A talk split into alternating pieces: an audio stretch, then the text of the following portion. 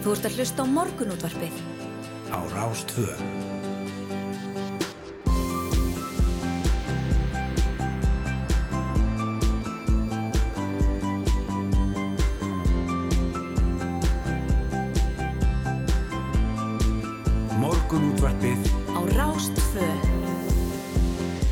Já, við bjóðum afskaflega góðan dag hér í morgunúðarpunar ástvö, Snæra Sindardóttir og Hulda Gerstóttir með ykkur uh, já, til ykkur nýju og ég veit ekki betur en það sé 23. júni í dag. Já, hvað sem þið trúið því ekki, mér fannst það bara skýt kallt úti. Já, það er búið að vera haustveður hérna á- svona hjá okkur Já. Það var svona bara kallt í húsinu þegar ég vaknaði því að nú var maður búin að skrúa niður í öllum opnum náttúrulega með sumarveðrinu sem hefur verið svona undarfarið annars lagið. En aðeins kuldarlegur í dag og ástæða til þess að fara aftur í úlpu bara. Já, já, en það á að skána um helgina, Já, við, við erum alveg, alveg rólegar. algjörlega. Við ætlum að bjóða upp á eitt og annað í þættinum í dag. Í vikunni hefur verið rætt aðeins um tryggingamál eftir að maður steg fram og sagðist hvergi geta líftritt sig vegna þunglendis og livjatöku þess vegna. Það er svo sem vitað að fjöldi fólks á ekki kost á líftryggingum eða bjóðast kjör sem eru já, varla ásættarlega eða viðræðanlega vegna ímissa andleira og vei, líkamleira veikinda eða reynlega vegna holdafars og svo fara meðis. Við ætlum að fá þær Sigrunu Þorstensdóttur sérfræðingi forvörnum og Hrönn Stengrimsdóttur sérfræðingi og vís til að ræða þessi mál hvort réttlættarætt sé að setja slikan vermiða á líf og heilsu fólks. Já, svo hefur verið stopnaði nýr banki hér á landi sem ber heitið Indó. Stopnendur bankans segjast bjóðu á betri kjör en aðrir viðskiptabankar en við spyrjum okkur hvernig á þetta dæmi að ganga upp þegar ljóst er að fólk er líklega til að skipta um maka en að skipta um banka og stopnendur bankans koma til okkar. Það er þeir Tryggvi Björn Davíðsson og Haugur Skúlason þeir verða hérna hjá okkur rétt upp úr hálf nýju. Einmitt. Þjóðin fylgdist með umsátur í Hafnafyrði gær. Kartmaður um 70 er sterklega grunaður um að hafa skotið að minnstakosti fjórum skotum úr rifli á bifrið með tveimur farþugum í, föður og sexar og leikskólabarni. Þetta er ekki fyrsta skotarusin í vetur en frettir af því að skotvopnum sé beitt gegn almennum borgurum verða sífælt algengari hér á landi. Hann kemur til okkar Runálfur Þóraldsson aðstóðar yfirlörglu þjóttn í greiningadeild ríkislauglustjóra og ræðir aukna skotvopna beitingu en einnig störf samningamanna í svona umsaturs ástandi. Vorum aðeins að velta því fyrir okkur hvað, þú segir við eitthvað sem að með byssunni og, og hérna koma út. Já, já, við þekkjum þetta nú eiginlega bara á bíómyndum. Maður hefur séð margar bíómyndir þar sem að eru svona gíslatökur og eitthvað og þar koma þessi samningamenn eða negotiators eða hvað þeir Mhm. heitir på einsku og, og um, eins og ég segi, þú, þú segir kannski ekki alveg hvað sem er. Nei, og við, það sem við vorum aðeins að velta fyrir okkur í gæri var sko, er þetta einhver mannskja sem er alveg sprenglarði í þessu og hefur eitt verkefna á ári max? Já, og eða, vonandi eða engin. sinnir hún einhverju öðru, Já, já, já, einmitt, einmitt. Nú svo ætlum við að heyra forvitnilegu verkefni fyrir austan en sveitafjörlögin Múlaþing og Fljótsdalsreppur tóku höndum saman og fengu Hafþór Snjólf Helgason landfræðing og markmiðlunar hönnuð í lið með sér við að kortleggja sveitafjörlögin og það er ekki neinn gömul uh, gamaldags uh, venjuleg kort heldur uh, var þetta gert í gegnum 5200 ljósmyndir sem er núna hægt að njóta í gegnum 360 gráðu síndarferðalag og Hafþór Snjólfur verður á línunni kortir í átta eða svo. Emitt. Félag Reðhjólabanda lagði í gerð af staði í hjólandi ringverðum landið til að veikja aðdegli á öryggi hjólræðafólks í almennri umferð á Íslandi. Félagið hvetur fólk til að hjóla með hlut af leiðinu og skora á bæjar og sveitastjóra að vera góða fyrirmyndir og taka þátt. En við ætlum að ræða við Birgi Birgisson formann Reðhjólabænda sem er nú stattur á hjólunu fyrir norðan. En það er nógum að vera hjá félaginu þessa dagana sem minnir meðalans að því að útu að flóta fólki og hælisleitundum Reðhjól. Já, og svo er það landsmót UMFI fyrir 50 ára og eldri sem er að bresta á. Og við ætlum að byrja daginn hér á eftir svona kortir yfir sjöða svo að heyra í Ómari Braga Stefánsinni, hann er framkvæmdastjóri mótsins og er í þessum töluðu orðum að leggja loka hunda undirbúning þess sem að hefst á morgun í Borganesi. Hann verður á línunni hjá okkur eins og ég segi svona kortir yfir sjöða svo. Einmitt, það er svo sett uh, ungmennafélag fyrir 50 ára aldrei. Já, ertu eitthvað að gera grína Nei, því? Ha? nei, ekki neitt. Ég bara velta fyrir mér, bara velta fyrir mér. Uh, hér á Forsíu Morgunblassis er frétt af uh, já, einum fimm mönnum að stinga sta, ekkur stáluröri ofan í jarðveg og það stendur einfallega að Ísland hendar mjög vel til rannsókna á sviði geimvísinda. Já. Þetta segir uh, Áslöf Arna Sigurbjörnsdóttir sem er nú held ég ekki á þessari mynd, nei, nei. Um, en málaflokkurinn heyrir undir hana. Hópur vísindamann á vegum NASA sapnar nú sínum við Sandva, sunnan langugguls í tengslum við rannsóknir á reikistjörnni Mars. Það rætt við áslögu í morgunblæðinu í dag en það er einnig talað við Daniel Líp sem er frangatastjóri Gimvísindastofnunar Íslands og Dr. Michael Thorpe sem er teimistjóri þessa vísindahóps frá NASA. Já, nú aðal fréttin á fórsíðu fréttablasins er, það er nú mynd hérna frá þessu, þessari skottvapna, eða frá því að sérsveitin er hérna Í þessu umsátri. og, um, en aðal fréttin er hins vegar undir fyrirsögninni íslenskir bændur flytja inn æg meira af kjötvöru.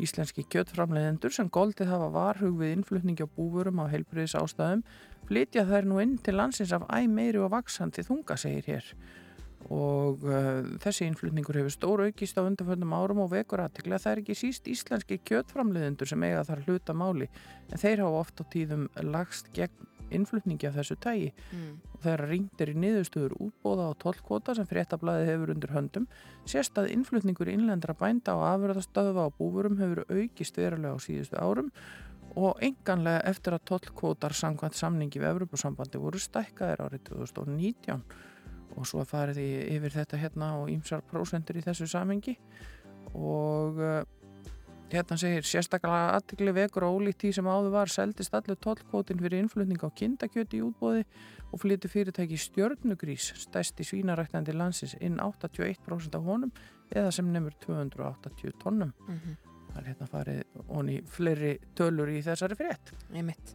Uh, hér á fórsíðu morgunblæðsins er uh, líka talað um uh, verðlægið og hækkun stýrivaksta hjá Sælamankanum í gær. En Ásker Jónsson Sælamankarstjóri segir vist í ítalegu viðtali í dagmálum hjá morgunblæðinu að Sælabankin sé reyði búin að grípa til mun meiri stýrivaksta hækkan en nú til þess að hveða verbulguna nýður bankin tilkynnti um stýrivaksta hækkun í gær sem nefnur 1% eða 1% stígi Vextinir eru nú 4,75% en hann hverst og vonast til þess að aðgerið bankans verða ekkert svo harkalegir að það leiði til mikils atvinnuleysis. Um, það eru þetta sko, umfram eftirspurn eftir starfsfólki þessa dagana. Já, Þannig að, að hérna, alltaf þetta sé ekki rétt metið hjá uh, stjóranum. já. Nú á síðu 2 í fréttablaðinu segir hér född og skór hvergi dýrar í allri Evrópu. Fatnaður og skór kostuðu mest á Íslandi árið 2021 af öllu EES-svæðinu. Alls var verðla á Íslandi það næst hæsta á eftir Sviss og 50% hærra en meðalverð álfunar. 50%? Vá. Þetta kemur fram hjá Eurostat sem er tölfræðistofnun Evrópu Mm. og þarna á eftir koma svo Noregur, Danmark og Írland en lægsta verðið er í Rúmeníu, Búlgari og Pólandi.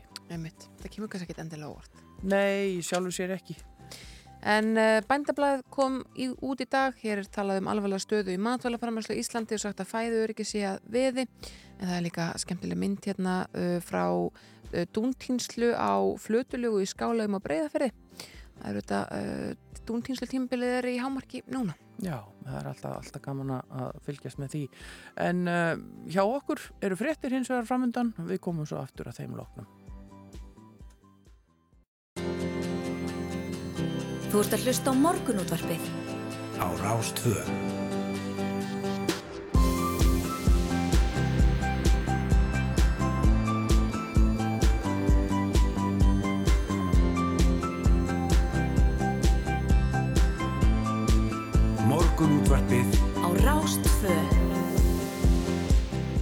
Já, við bjóðum góðan dag hér á Rás 2, rásinni okkar allra. Það er 50 dagur, 23. júni og mættar hér á vaktina með ykkur eru Hulda Geistóttir og Snærás Sindradóttir og ímislegt forunilegt á dagskrá í dag. Já, emitt, við ætlum að ræða uh, já, tryggingamálin í, í tengslu við efnis að fólk með þunglindi og ymsa aðra aðra veikindi uh, eigi erf með að fá líftryggingu. Við ætlum að ræða nýjan banka sem stopnaður hefur verið hér á landi. Svo ætlum við að ræða uh, skotvopn og skotvopna beitingu í tengslum við uh, umsöldus ástandið í Hafnafyrði í gær. Við ætlum að ræða um, já, nýjar ljósmyndir að kortlagningu Östurlands uh, í alveg ótrúlega spennandi verkefni. Svo ætlum við að tala um ringverðum með landið sem félag reyðhjólabanda já, er statt í í þessa dagana Mm -hmm. og landsmót uh, ungmennafélag Íslands fyrir 50 ára eldri. Já, ímislegt á dagskrá hérna hjá okkur í dag og uh, ég var nú að kvarti við því hérna áðan þegar við byrjuðum að ég fann svona hálf kuldalegt eitthvað úti og, og maður lítur á hugleðinga viðfræðing sín á viðu.is þá segir einmitt hér að það verði norðlæg átt ríkjandi á landin í dag yfirleitt á bylunu 5-10 metrar á sekundu viða 10-15 vestalands engum í vindstrengjum á Snæfellsnesi og Barðaströnd Lítisátt að skúrir eða regning með köplum norðan til en nokkuð efnismeiri skúrir síðst. Bjart með köplum austan og vestalands er líður á daginn bætir í úrkomum norðanlandið og svo segir hér að hítanum sé nokkuð miskipt en norðanáttin drefum með sér kallt loft og híti á norðurlandi verður á bylunu 3-6 stig en alltaf 12 stig sunnan og austan til. Þetta er nú svona veðrið eins og það lítur út núna og ef við skoðum kortið á háti eins og við gerum nú ofta þá þá er þetta svona bland í póka. Það er hverki heiðskýrt en uh, svona suðvesturhóttnið og, og hluti af vesturlandi þar er svona hálskíjað og, og svo eru skúrir á nokkrum stöðum og skíjað annar staðar. Þetta þetta er svona ég frekar höstlegt ef að hægt, hægt er að segja það á þessum ástíma. Uh, hér á vegagerðanar er bara svona lauslega farið yfir það framkvæmdir sem eru vitt og breytt um landið, full ásallar að skoða þær, mm -hmm. þær hafa ekki neinn telljandi áhrif að þessu sinni, uh, það er kannski búið að taka niður, hraðinni þrengslarum er tekið niður í 50 km klukkustund uh, vegna kveikmyndatöku ákveðnum kapla og svo framvis mm -hmm. um, en uh, kannski alltaf, alltaf að taka það fram að um, vegurinn, það er búið að taka axturspann af vegi 208 sem er semst frá virkunum að landmannalögum það er unnið að opna á veginum á næstu dögum en hann er mjög blöytur og svo er verið að taka það fram að það stendur við fræsun og malbyggun á girskutu og mýrargutu hún verður lókuð uh, í nótt eða sérst hún var lókuð í nótt og er lókuð í dag uh, af því að það komi ljós í gæri að, að það sem sagt þetta verk var mun við að meira heldur en búist var við. Það er fræsund sem stendur hérna yfir, það er mjög djúb hjólfur og um, þau sem eru að koma af Seltjarnesi og Vesturbæ kannski hafa það í huga að fara ringbrötuna í dag. Já, það er ímsar, ímsar framkvæmta fréttir hérna, þannig endilega kíkið bara hérna á vegagerðin.is og, og kíkið á þetta áður en leggið af stað út í, í daginn. En uh, hér hjá okkur, uh, eins og við sögum, ímislegt framöndan en við höfum engar ágjur af neinu og það hefur Káká ekki heldur. Þannig að við ætlum bara að fá hann til að setja þetta af stað hérna. Hafðu engar ágjur.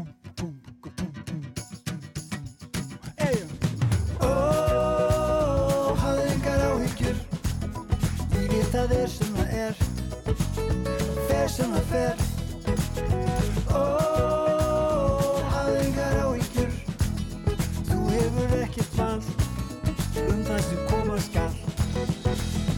kjöklum og grátum og vælum og volum með kvíð og ángist af komandi sorgum þú veist ekki neitt hvað verður á morgun. Óskrifa blad og er börnin í þig ónótum hreit og að þið sækir langtíma þreit og þig fer að langa fá þér í feita í hvaðin og það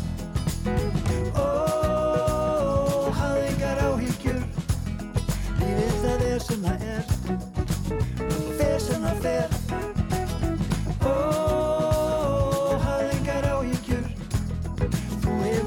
ekkert var um það sem koma skar Vondir kallar, hlæ og slakka eins og púkar á rjáfri, ræ og rakka og tak og taka án þess að þakka og græta þig Og þeir haga til sumir alveg svo dóna, snúa þeir nýður og nýða til skóna, rekja og svekja og kalla þeir róna, halda mig sig. Ó, haga og ykkur, lífið það er sem það er. Og það fer sem það fer. Ó, yngar á ykkur þú hefur ekkert val. Um það sem koma skal. Vondir menn vilja til flengja, berja, brenna, drepa og hengja til hungrar í réttæti byrjar að svengja alveg eins og mér Með rekjum og klækjum þeir ná á þeir taki Bíbi og kækjum og neikvæðu kvaki Röndóttir menn með ístru og braki Edda þig heim. Ó, hafðu ykkur á ykkur Lífið það er sem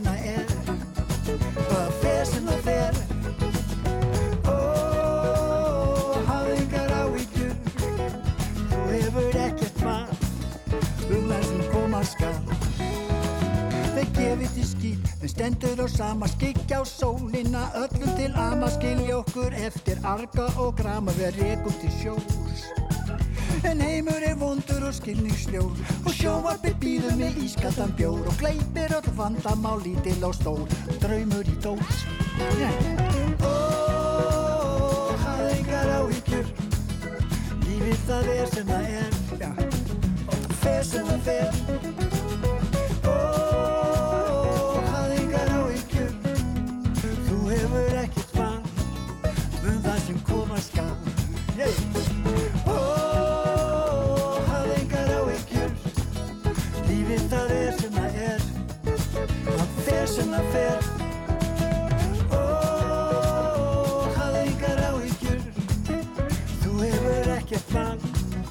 Um það sem koma skal Hættu svo væri Hættu svo væri Hættu svo væri Þú ert að hlusta á morgunútvarpið. Hættu svo væli, segi Káká og uh, við bara förum með það með okkur inn í, inn í daginn. Ég staldraði hérna við svona svolítið finna frétt sem að virðist graf alvarleg til að byrja með en er síðan verka fyndin.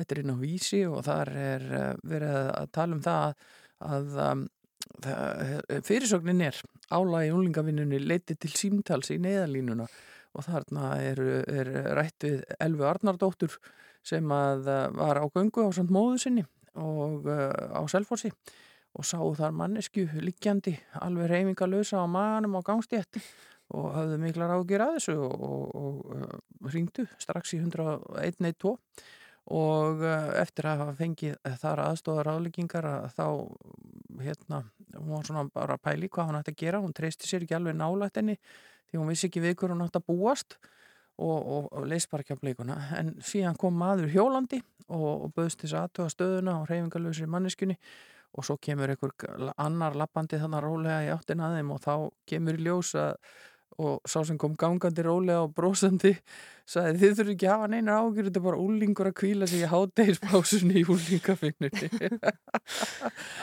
og hún segist hafa í spennufallinu og geðsræringunni fengið svo mikið láturskast að manneskjan sem var á línunni náttúrulega, hjá neyðalínunni hafi ekki átt að segja á því hvað væri eiginlega að gerast. Og þegar hún hafi loksins náða að komast, uh, koma því út úr sér um hvernig uh, í pottinu væri búið þá kom smá þögn á neðalínunni og svo var svara rólega já, já, hún hefur eflust verið döðu uppgifin eftir alla erfiðisvinnuna. Er það sko svona ekki vannmeta hvað það getur verið ótrúlega leiðilegt og þreytandi að reyta arfa? Ég er alveg búin að, alveg búin að taka hérna mín, mín tímabil í þessu. Ég, ég vann í skrúðgarðin við keflaði hérna í, í nokkur sumur og ég var í bæjavinnunni og, og ég er búin að reyta arfa og slá gras fyrir allan peningin Já, en sko ég, jú, ég man eftir að við höfum lagt okkur stundum í pásum en, en kannski ekki á maganum út á stjett mér finnst það mjög mennaðfull ekki að láta neitt trúla sig. það er bara þetta að leggja sig hvar sem er Já, hvenær sem er. það er bara þannig. En heyrðu Hulda, að að morgun er Jónsmessa já, sem að það er svolítið skemmtilegt vika að svona að- að að raðast upp í henni hérna sumarsástöður og Jónsmessa og svo framvegs. Mhm. Það eru auðvitað uh, ímsar sögur sem eru tengdar uh, Jónsmessu. Uh, aðfaranótt Jónsmessu nætur sem er sem sagt í nótt. já, Já, það, já, 24. er Jónsmessa þannig að það er nótt sem er Já. að koma. Uh, þyk, hún þykir ein fjögur að nátta ársins sem að eru magnaðastar hvað var að töfra á eitthvað hátt mhm, en hinnar eru jóla, nýjárs og þrettándanóttin. Þessar nætur eiga samhælt að vera í nánd við sólkvör, sumars eða vetrar og að þeim flestum rætast draumar, dýr tala og allir yfir skilvilligir hæfileikar og máttar koma í ljós, fólk geti gleði og ama. Það eru einhverjir sem munu nýta nóttina í nótt eða jafnvel daginn til þess að vera frjálslega til klæða, þess að bara Mhm. vera í sem, nákvæmlega verið sem minnstu hugsaðan svo auðvelt sig að koma sér úr leppunum og velta sér í dögginni þegar hún byrtist sumardögginu, þetta er eindisleg en þótt slíkar veldur séu að vera heillandi hér, hafa verið að heillandi hér áður fyrr þá fylgdu ímsa sögur hvers vegna. Einhver vildu meina döggin lengdi lífið aðri trúðu, trúðu á drauma sína eftir nætursefni í kjölfarið og enn öðrum fannst gaman að auðra tilvörunum að að vera votir. Getum ekki flensu í kjölfarið og jafnvel látist já, en uh, slíkt var ekki óalgengt hér á öldum áður segir í bændablaðinu.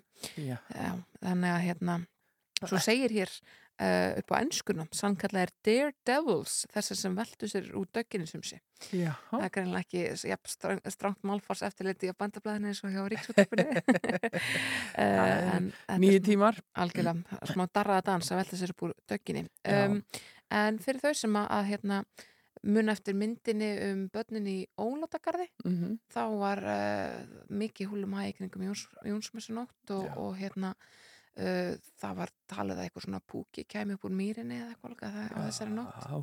Já.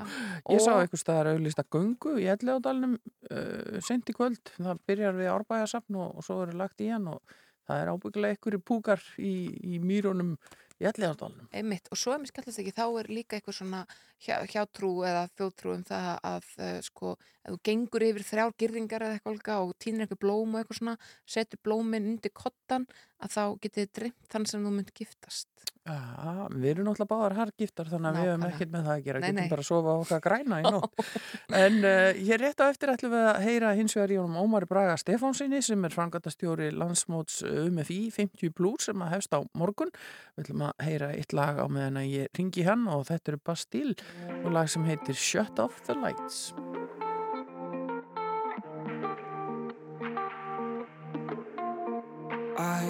I'm lost in my head again. Time traveling, running out, running away with darkness, my only friend. Don't wanna do this all again. You pull me back down to earth. Close off, your hands are on, hands are on me. Grace landing onto your bed. There you are. In my head, there's a beat, it's the beat that you make when you're moving your body. You prove that it can't escape. I can't escape. Got my heart in your hands and your hands on my chest. In my chest, there's a breath, it's the breath that you take away. And you said, Shut up the lights, we don't need them to dance. Hey. Oh, oh. You said, Just shut the lights, we don't need them to dance. Oh, oh. oh you said, Just shut the lights, shut the lights. We're drunk, we're invincible. No going quietly into the night. This room is our universe. You are my gravity tonight. No talk of the future now. Dark thoughts, you're shaking them, taking them out. This rhythm that we create sets me straight. In my head, there's a beat, it's the beat that you make when you're moving your body. You prove that I can't escape. I can't escape. Got my heart in your hands and your hands on my chest. In my chest, there's a breath, it's the breath that you take away. And you said, Shut up the lights, we don't need them to dance.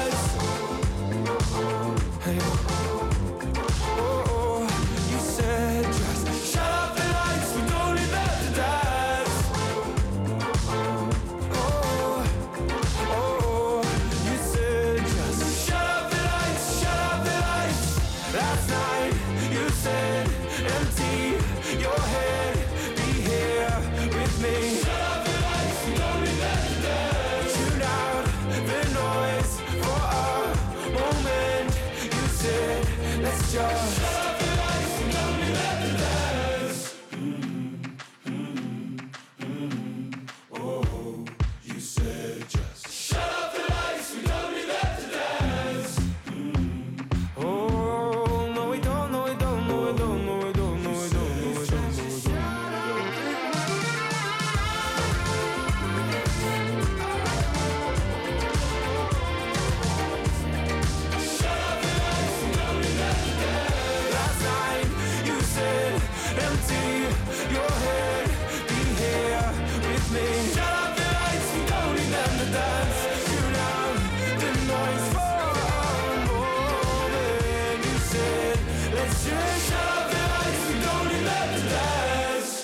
Morgunútvarpið á Rás 2.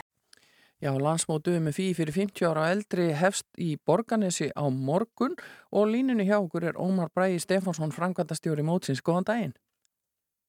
Góðan daginn. Er allt að smetla hjá okkur, Ómar?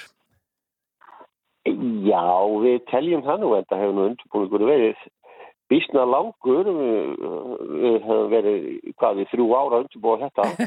Já, Þannig að það er búið að fresta, fresta mótu síðustu tvö ár og þannig að við búum að því. Þannig að, en auðvitað þarf alltaf að taka upp verkefnin aftur og aftur en, en jú, jú, við erum, við erum, við erum klári í bátana. já.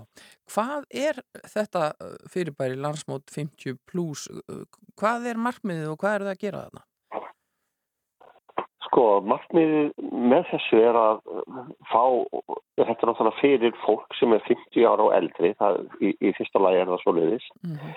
og uh, við höfum verið með í gegnum tíðina ungmennafélag Íslands með uh, þrjú landsmót. Uh, þetta stóra landsmót sem var nú einn staðista ídróttahátt í landsins hérna árum áður og síðan úlíka landsmótið og svo frá 2011 höfum við verið með þetta mót sem við kallum 50 pluss. Þetta er í grunninn íþróttamót með, með uh, keppnisgreinum, bæði svona hefbundnum og óhefbundum keppnisgreinum mm.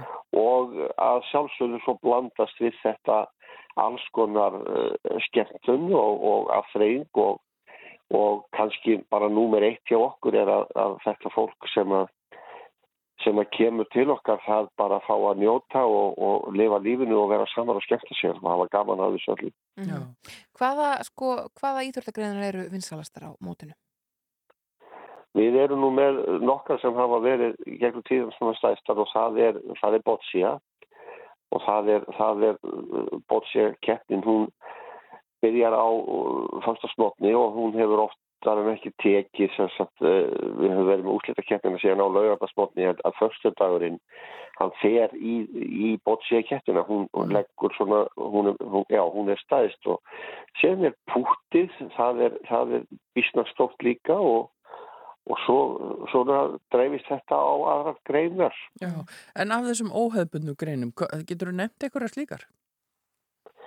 Já, við getum nefnt til dæmis eina sem er nú bara mjög vinsal og, og það er stígvilakastu fræga og, það, og, það er, og það er svona loka greinin hjá okkur alltaf við, við slítumótinu í kjölfar, kjölfar stígvilakassins en, en þar er fólk bara að koma og, og taka þátt og, og hlæja og, og njóta og hafa gaman og það er svo sannlega sko tilgangurinn með þessu öllu. Já. Er að fá fólk til að hreyfa sig og hérna taka þátt og bara hver og einn á sinni fórsendu. Auðvitað er fólk misjamt, sumir koma og eru Um, svona einan gæðsalaffa gamlir keppnismenn, kallar mm -hmm. og konur mm -hmm. sem hafa verið í Íþróttum alla tíð og, og, og koma til að ná í, í gullpenninga sem sannlega er í bóði mm -hmm. en svo er líka, eru miklu fleiri sem koma bara til að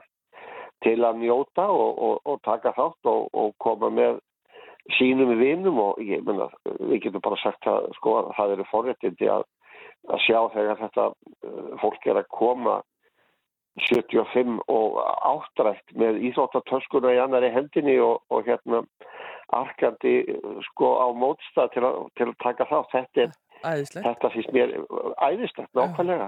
Þetta, þetta, þetta er bara frábært sko. Er ennþá kæft í pönnukökubakstri?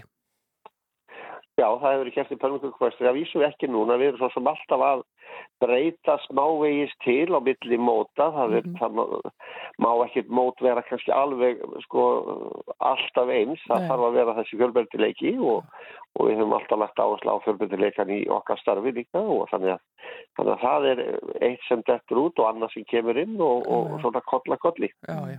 Hvað er vona á, á mörgu fólki þarna um helgina?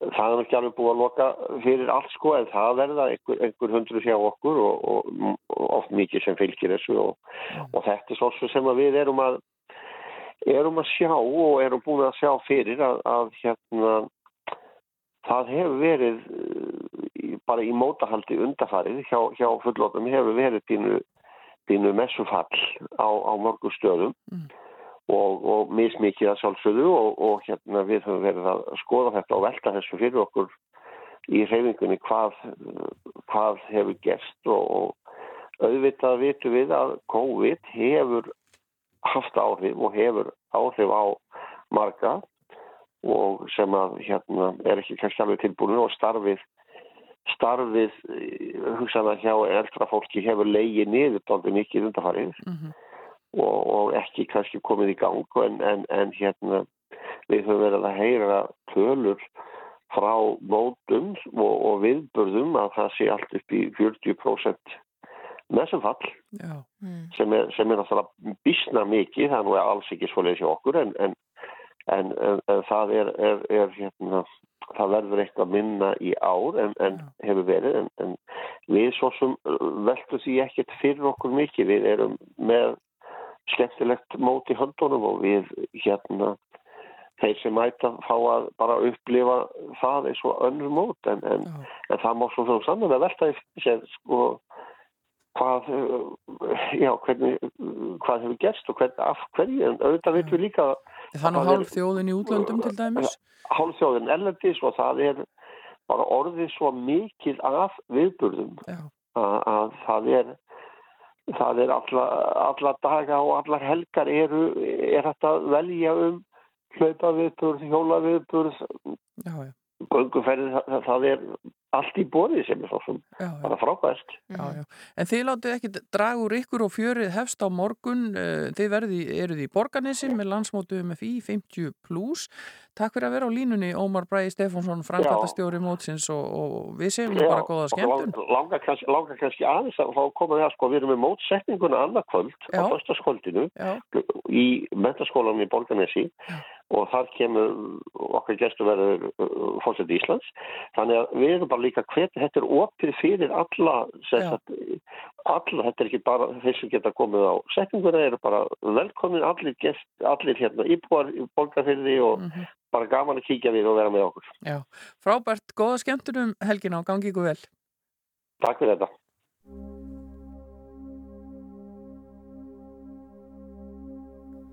Let me inside you into your room.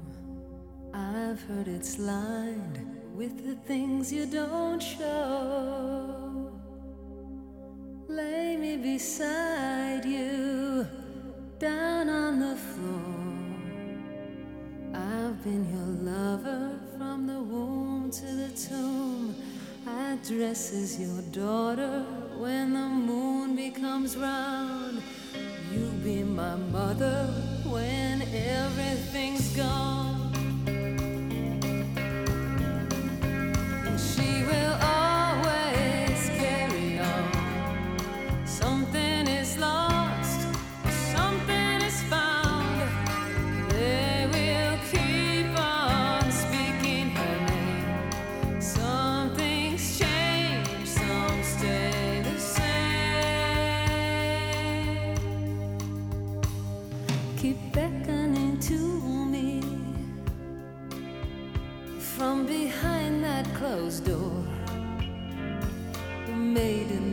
Mother, and the crone that's grown old.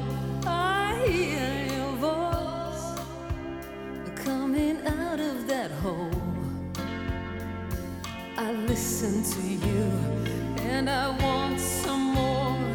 I listen to you and I want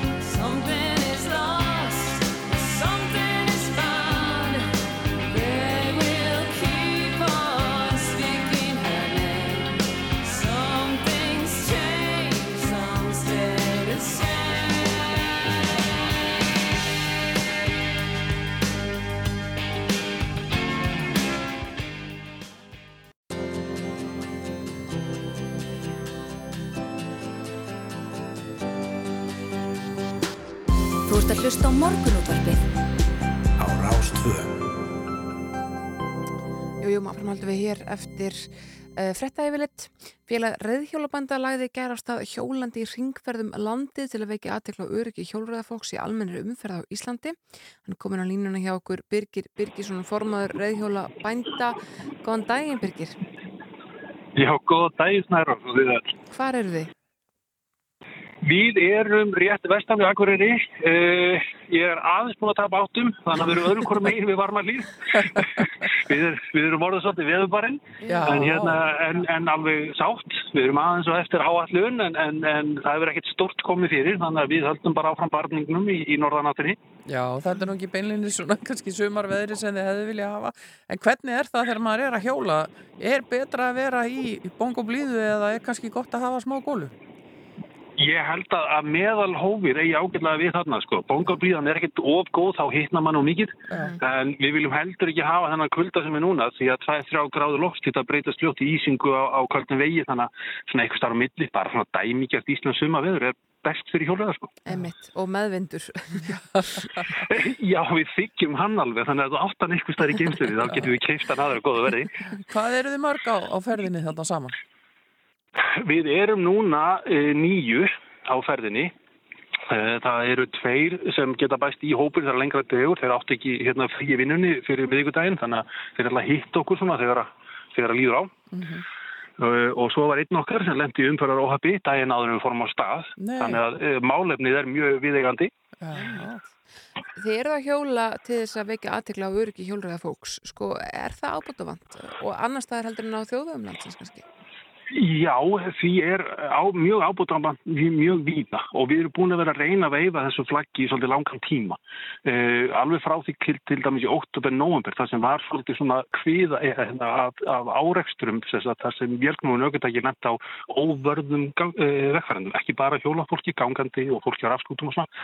Þá fórum við svona að veifa flagginu svolítið ákraft og okkur hefur fundist viðbröðin hjá ofinbjörnum aðlum og þá er ég að meina til dæmis lauruglu, til dæmis sangugustofu en fleiri, ekki vera alveg samræmi við sem sagt, það sem að, hvað ég segja, stefna yfirvalda er. menn vilja hveta fleiri til að nota reyð hjálpkomast að melli staða, það er umhverjusmál, það er líðhelsesjónum og er með því. Og við, á höfuborgarsvæðinni getum alls ekkert kvarta undan því það eru byggðið hjólastígar. En okkur vantar akkurat núna ekki meira malbygg, okkur vantar meira öryggi. Já. og sem dæmi að þá gæti ég nefnt að frá því nýjum umfærlega tók ég gildi 1. janúar 2020 þá hafa minnstakusti 20 alvarleg tilvík af lífsættunum framúræktur við kærið.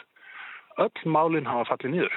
Einmitt. Já, en, en sko, nú finnst okkur þegar við erum á vegum úti á bílum að, þá eru stundum Mhm. ferðafólk og bara hjólreiða fólk á, á ferðinni og, og, og fólk þarf eiginlega bara að vera inn á veginu vegna þess að það er ekki gert ráð fyrir því. Er bara í, yfir höfuð í bóði að hjóla á Íslandi svona leiðir? E, góð spurning, já það er í bóði og það hefur allatíð frá til fyrstu umferðarlegu voru sett á Íslandi gert ráð fyrir e, hjólandi fólki í umferðinni. Þetta, þetta er ekki nýtt. En það er ekki gert ráð fyrir því þegar að vegir eru byggðir og sem dæmi get ég nefnt að vegagerðin þó hún sé góð á marga vegu og þá vinnur hún alltaf bara innan þessa ramma sem henni settur og hún hefur ekki lagaheimil til að byggja hjólastíga í frumkvæði. Hversu skrítið er það? Já. Þetta er sem sagt vegagerð, ekki samgöngugerð, skiljiði. Uh, annað atrið sem tengist þessu. Í Evrópu er til það sem heitir Eurovelo. Það er svona netverk af stopprautum fyrir fólk til að komast milli landa. Ísland er eina landið þessu stóra samingi sem á enga svoleiðisleið. Við ættum að eigana frá segðisveri til Reykjavíkur þannig að fólk geti hjóla gegnum Danmörku, farið um borðið ferjuna, hjóla svo til höfuborgarinn. Þetta er ekki hægt. Mm. Þannig að það er svona bara við að pottu brotin í bókstæðari merkingu. Já, og þetta er auðvitað hluta til af því að hjóluða eru tilfæðlega ný sem svona algengur sangvöngum átti. Þannig að auðvitað er eitthvað svona, hvað við segja, barnakvillar sem maður þarf að taka á. En þá þarf líka að taka á þeim. Og við erum að vekja aðtikla á þessu og okkur finnst við fá lítinn hljómgrunn. Það er margt fólk sem hefur verið að vinna sér langan tíma.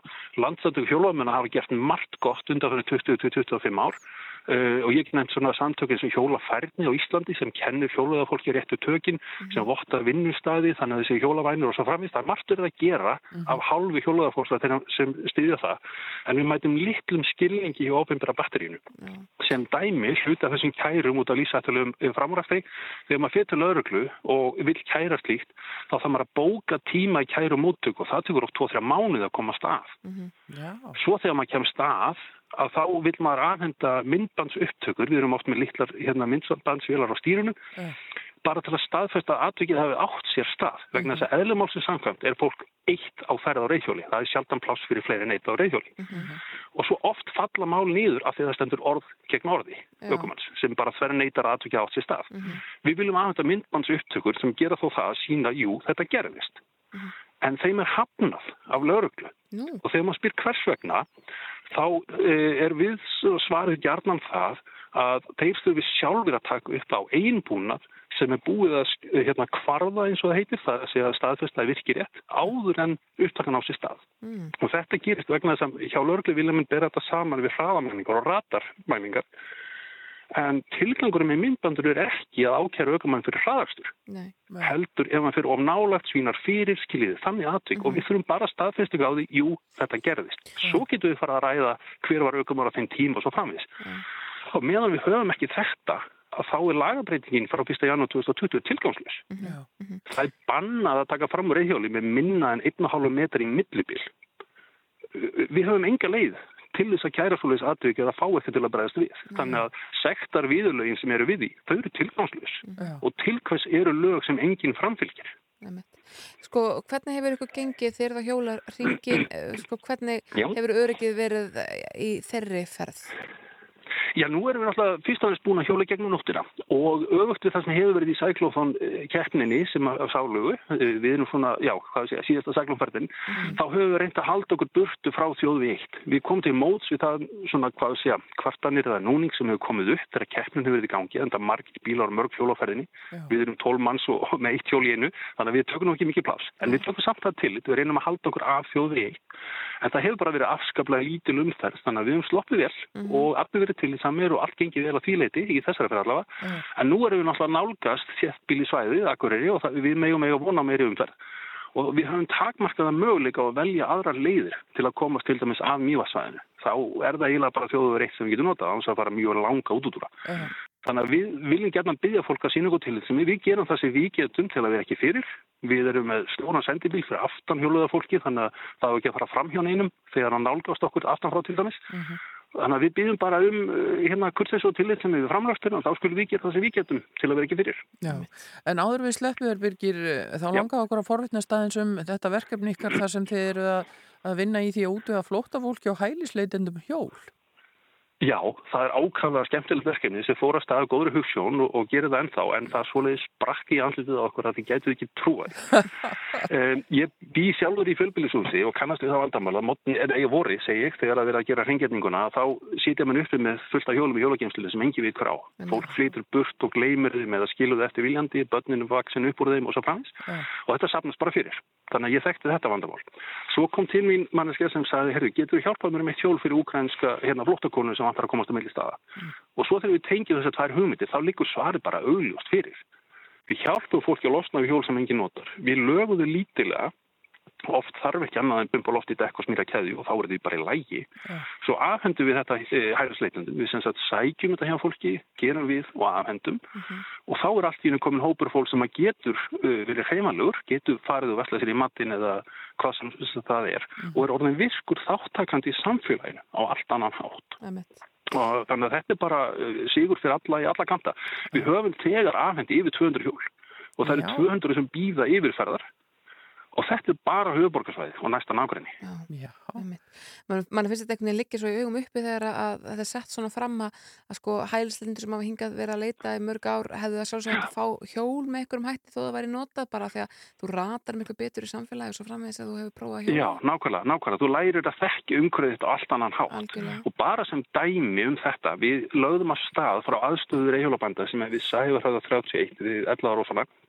eihjólabanda sem við sæður hraða 31 við 11 ára ofana og rétt áður en við fórum að stað þá kom einn á hælusleitónu sem hefði þegið hjól frá okkur til okkar og svona fylgdi okkur úr hann kom hjólandi frá völlunum í Hafnafyrði til þess að vera með okkur í 30 mínútur og, kveði okkur og hjólaði svo tilbaka og alveg hæst ánaður frábært. Einmitt. En við, Þannig að er, þegar er, fólk fær þetta tækifæri að þá, þá sem sagt, er það svo þakklátt að það vil svo gerðan sína að þetta skiptir máli fyrir það að, að það er ótrúlegt að sjá. eru þið enn að, að, að leita hjóla eða eru þið komið nóg í bili? Já sko við erum með það mikið í bíli að við náum ekki eftir að sækja allt eittur og þrýr en ef fólk vil gefa hjól í þetta þá má það gerðan láta vita og svo komum við þegar að færi gefst. Uh, það vil nefnilega líka til að þeir hælusleitandi sem hafa fengið hjól, margir þeirra kunna að gera hjól og þeir vilja sína þakklæti í verki með þeir koma og hjálpa til við að laga hjól þannig að okkur, okkur eikst liðstyrkur bara innan fara á daga sko. Já. Og fólk finnir ykkur bara, hvað þá, á Facebook eða? Já, sko, reyðhjólabændur eru með hóp á Facebook þar sem eru rétt tæmlega 8000 manns uh, hérna skráðir inn og, og lang flesti þeirra virkir í hverju viku á minnstakosti, þannig að það er auðvitað að finna það. Mm -hmm. uh, Sæklóðan ferðin, þar eru við, að við erum með ellenda gæsti, helmingurinn á hópnum er af ellendabækibróðin og við erum með fólk frá mandaringjörnum sem að sérum svona okkar, uh, hvað að segja, innlegg á samfélagsmiðla. Þess vegna heitir þetta sko 2022 sæglóðum, semst upp á Amerísku, númerið undan. Já, takk Þannig að fólk fleita bara því og þá erum við að setja inn posta og, og við reynum að mun eftir því en við erum að berjast í, í vandu veri og, svo leiðist þannig að það vil gleymast en byggjum fólk að hafa þóluvæði, þetta kemur. Já, já, já. Það er gott. Við segjum bara takk fyrir spjallið Birgir Birgisson formaður reyðhjólabænda og gangi ykkur, já, gangi ykkur sem allra best og, og fariði valega og við segjum um leið auðvitað sendum uh, skilabóð á ökumenn og beðjum fólkum að fara valega í kringum ykkur og alla hjólamenn. Ef ég má stila tveim sekundum, þá byrja fólk að fylgjast með þegar við komum til Reykjavíkur á morgun, fjögur um eftirmiddaginn, þá, þá hérna tekur fólk eftir því. Þa, það verður viðbörður. Já, frábært. Takk fyrir þetta. Byrjum að heilsa. Bless, bless. Takk, bless. Takk okkur.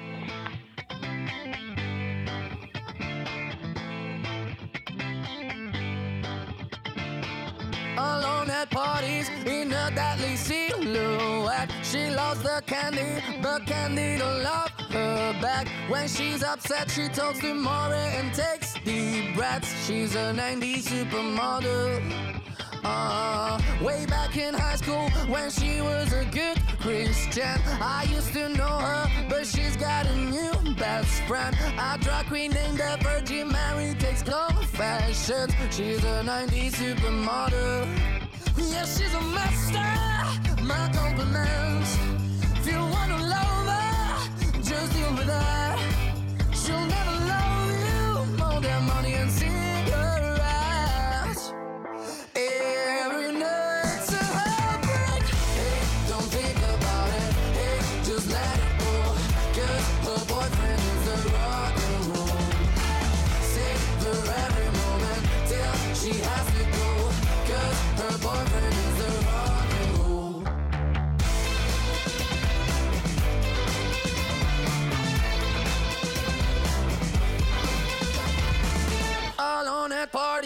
She's working around the clock when you're not looking. She's stealing your bossy out. Low waisted pants on OnlyFans. I'd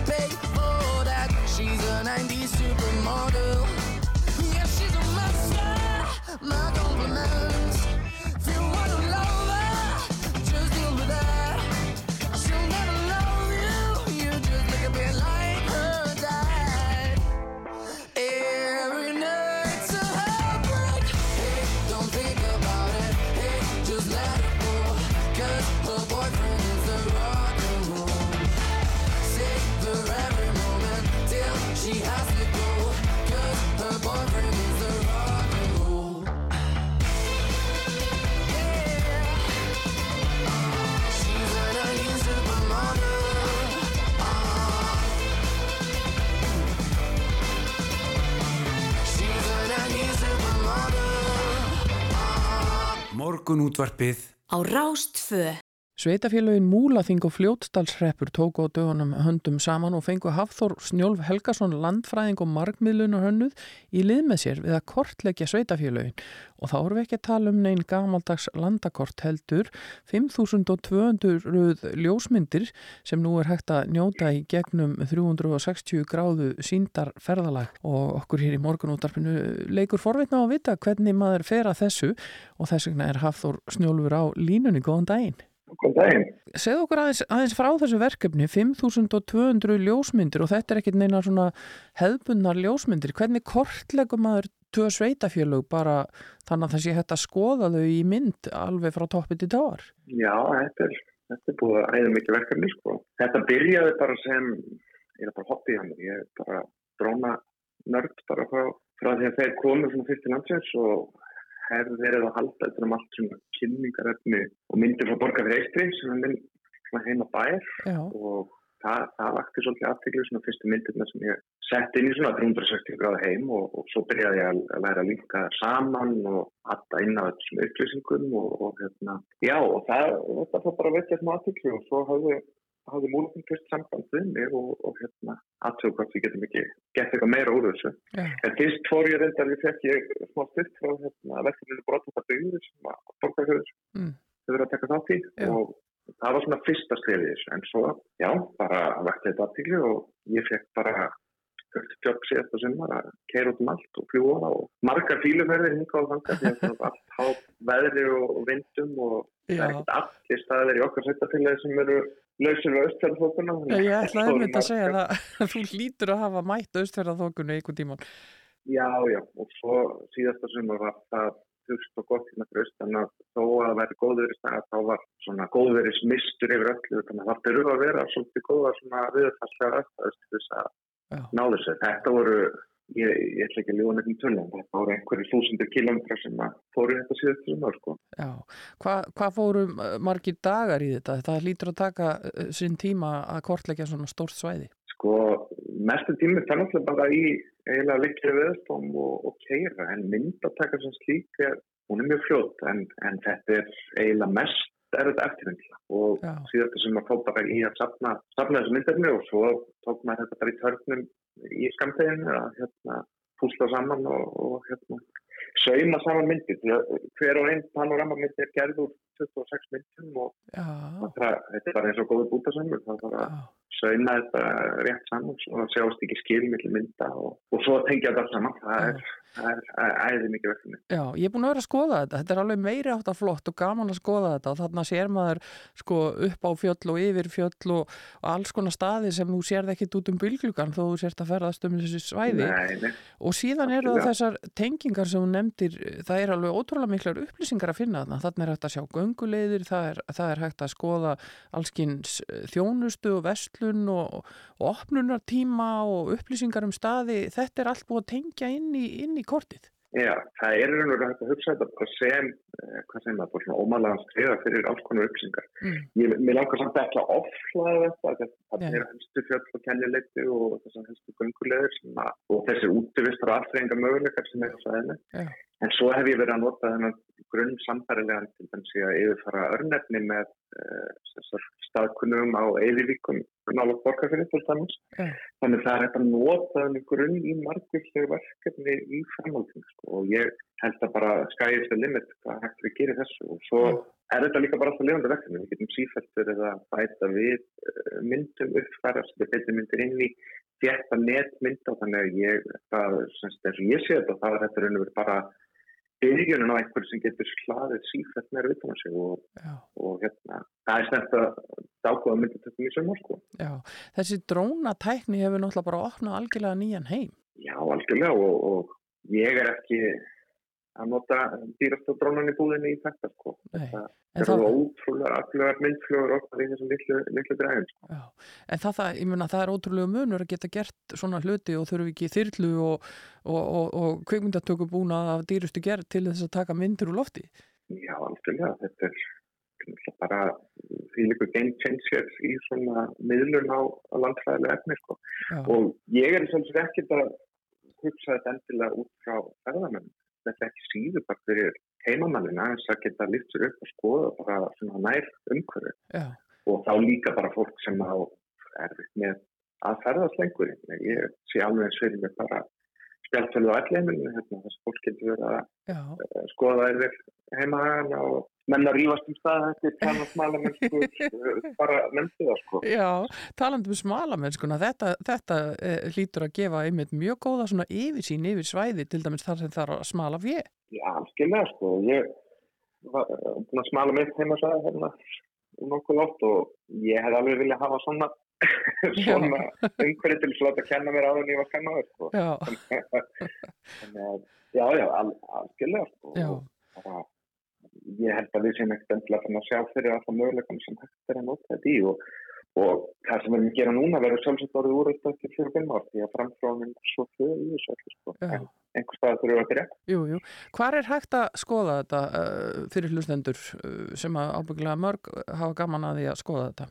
Já, þetta er sjáanlegt núna á öllum visit síðan sveitafélagana í múlaþingi og hjá fljóttuði en ég bendi það sjálfsög að fara bara inn á borgarfjölur eistu.is það er flipi eftir sem að stendur bara á 360 gráðferðan Já. og þetta er sama umhverfi fyrir alla þess staði, þú velur bara, velur bara þinn upphalspunkt. já. Ert þú að fara í fleiri svona verkefni? Er þetta orðin þín aðal vinna að vera að mynda með dróna? Já, ég var nú eiginlega bara sennhæðar hérna á verklæðistofu í brónaverkefni í kjálfan með þessu. Þetta er að vinda upp á sig, sko. En já, ég hef mikið verið, ég hef verið með myndaserju sem ég kalla Nafla Alfonsons og ég er búin að fljúa sem sagt hvert eh, einasta bæjarfélag á Íslandi Já, og gera svona uh, ljósmyndir sem ég er að selja frá þeim. Það er naflaralhansir.com, það er alltaf. Varum maður ekki jú. Það er, það er, það er uh, stór aukavinna henni. Já, en þú ert á leið bara núna eh, að Káranhjúkum, ert að fara að mynda þar eða? Já, það er bara, bara vinnutengt verkefni í, í eftirliti. Ég ætla ekki að selja neina myndir það. Nei, nei, neður eru auðvitað margskonar hliðar á, á þeirri vinnu sem framfer með, með þessum tækjum en um, mjög Já, spennandi algjörlega. og ég verð að segja það eftir að hafa kíkt á þetta að þetta er svo sannlega skemmtilegt að skoða þetta 360 gráðu síndarferðalag og sko það er þetta að skoða þetta bara í hvaða tæki sem er en svo er líka hægt að setja á sig bara síndarveruleika gliru Já, já, það er náttúrulega uh, afturlega komið því að þetta er, já, aðgengilegt í öllum þessum helstu eins og okkur skerum sem að Facebook er að, er að selja og þá situr þið bara í ákveða hæði og finnum upp á stað og nýður allar áttur og horfið niður, horfið niður og, og flýgur á milli, sko. Já, En það er ekki fyrir loft þetta. Nei, ég held mig við tölvurskjáin þá Já. það borgar sig. Gaman að heyri í þér Hafþór Snjólfur Helgason, landfræðingur og markmiðlunar hönnur og til hamingi með þetta stóra verkefni og gangi er vel í því sem framöndan er.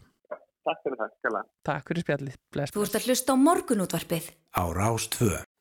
Já, hér eh, eftir áttafrétnar ætlum við svo að halda áfram að heyra í góðu fólki og hann kemur til okkar á Runolfur Þórhalsson, aðstofar yfir löglu þjóðni greininga til ríkislöglu stjóra, ætlar að ræða aukna skot og opna beitingu, við ætlum líka að heyra af nýjum banka og ræða eins líftryggingar en fram að fréttum ætlar hún Una Torfadóttir að þetta syngja og spila fyrir okkur. Þetta er af plötunennar sem er plata vikunar hér á Rás 2, lægið heitir En.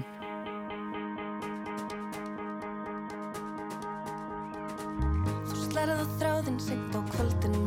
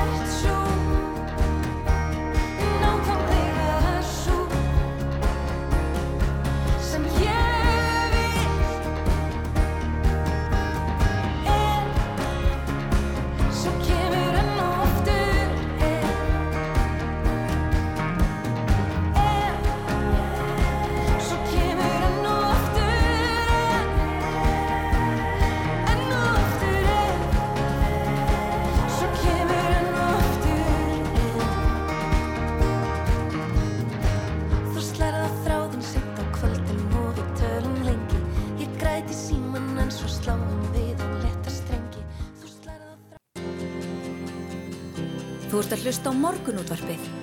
Á Rástvö.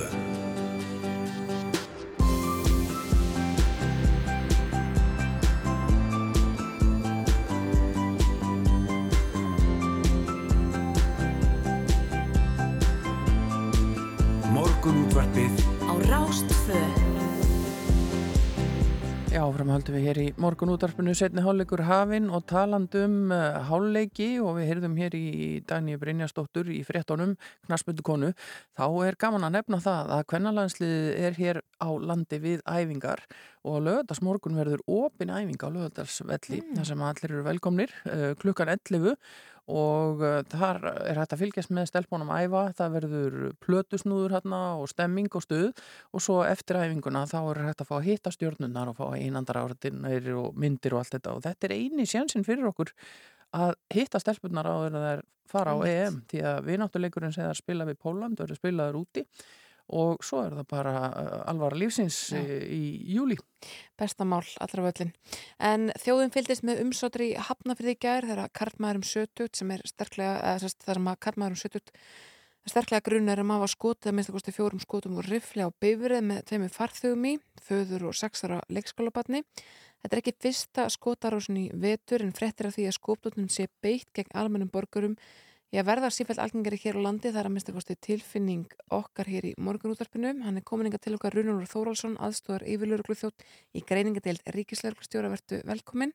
Takk fyrir það. Sko, við höfum, það var þetta ástand í gær, uh, gríðastóra aðgerð lauruglunar en, þetta er ekki fyrsta stóra aðgerðina sem sérsveitin þarf að grípa inn í vetur uh, sem skotóttum er beitt. Við sáum uh, samskonar atvik, svona sambarlegt í í miðborg Reykjavíkur í vetur og svo framvegis.